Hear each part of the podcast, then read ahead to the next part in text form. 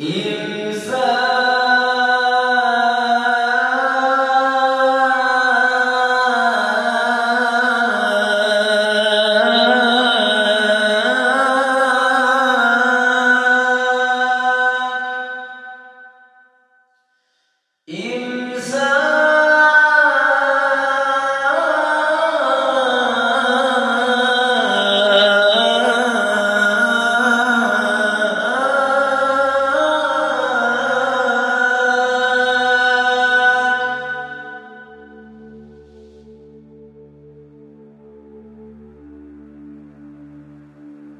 Di bulan yang terkenal akan batas kesucian, bersama dosis 30 harinya, ini akan menjadi babak yang mulia sekaligus gila. Mulia bagi mereka yang benar-benar memburu pintu surga. Namun juga gila bagi para pendosa yang hanya menjadikan bulan ini sebagai konter tempat penyerahan kupon atas setiap catatan rekor sialnya. Dengan sementara waktu, memohon ampun kepada yang punya, agar nasibnya di dunia bisa kembali beruntung. Di hadapan Sang Pencipta, teruntuk kedua golongan ini, mereka akan saling berlomba-lomba dalam melampirkan niat terselubungnya. Berbekal dogma bahwa kemesraan akan tervisualisasikan secara personal jika masing-masing dari mereka bersedia menjalankan perintahnya dan mau menjauhi larangannya. Itu bisa terlaksana dengan upaya memberikan jarak kepada segala sesuatu yang berkaitan dengan badaniah. Dengan lebih mengutamakan segala hal yang ada kaitannya dengan rohaniah. Sesederhana seperti menjaga aktivitas mulut dari godaan-godaan senyawa. Seperti masuknya zat-zat kimia, tetesan-tetesan dahaga, atau sari-sari rasa yang dipercaya dapat menghambat laju asmara antara yang maha juga hambanya. Membendung hawa nafsu dari tutur yang tidak-tidak, berpikiran buruk, apalagi jika sampai berperilaku negatif. Baik itu yang berwujud ataupun tak kasat, semuanya akan diukur sama rata, dinilai seadil-adilnya, dan bisa dipastikan tidak akan ada setitik celah pun yang nantinya terlewatkan.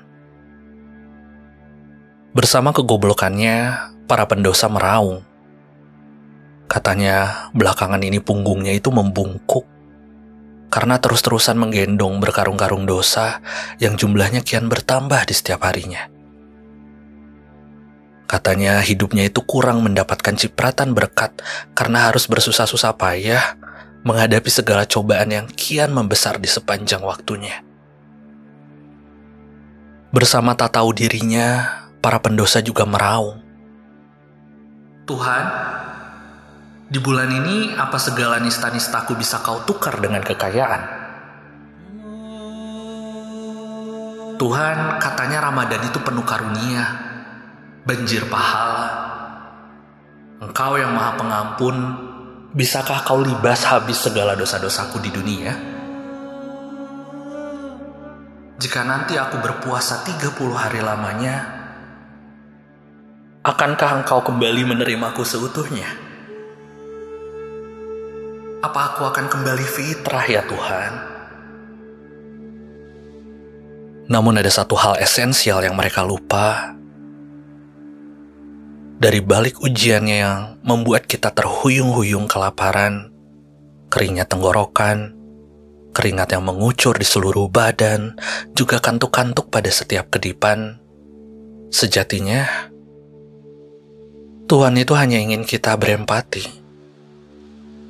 dan berbagi hati dengan mengingat jelas kondisi kaum-kaum yang di sepanjang hidupnya memang sangat jarang merasakan keberuntungan.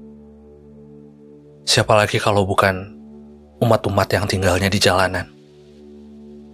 Yang di panti, yang tak bisa leluasa makan, yang tak higienis, yang tak punya tempat tinggal, yang yatim piatu, yang di sepanjang hari-harinya penuh dengan kotoran dan debu. Bukan malah merekrut diri masuk ke dalam kompetisi untuk sekedar mengejar imbalan. Bukan perihal ibadah yang berujung hitung-hitungan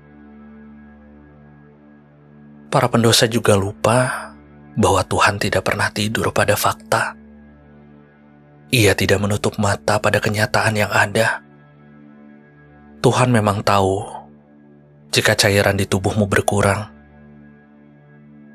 Namun jika hatimu tidak dibarengi ikhlas yang sejalan, Tuhan juga akan berkata enggan. Karena berpuasa adalah salah satu bentuk dialektika kehidupan. Supaya manusia jauh dari segala bayang-bayang keserakahan mereka-mereka yang selalu haus, yang tidak puas, yang rakus, yang iri, yang banyak mau, yang mengeluh padahal masih mampu, akan selalu dihantui dengan lapar-lapar yang tiada habisnya. Ironis bukan? Berpuasa dengan mengharapkan kesejahteraan. Berpuasa adalah antitesis dari keakuan. Sebuah kompensasi yang terglorifikasi melalui kesucian untuk tidak menatap ke depan, melainkan kembali melihat ke belakang. Melihat lebih dekat mereka-mereka yang ditinggalkan, yang tidak punya, yang serba tidak bisa. Dengan supremasi dan perilaku marginalisasi, khusus untuk mereka yang memprihatinkan.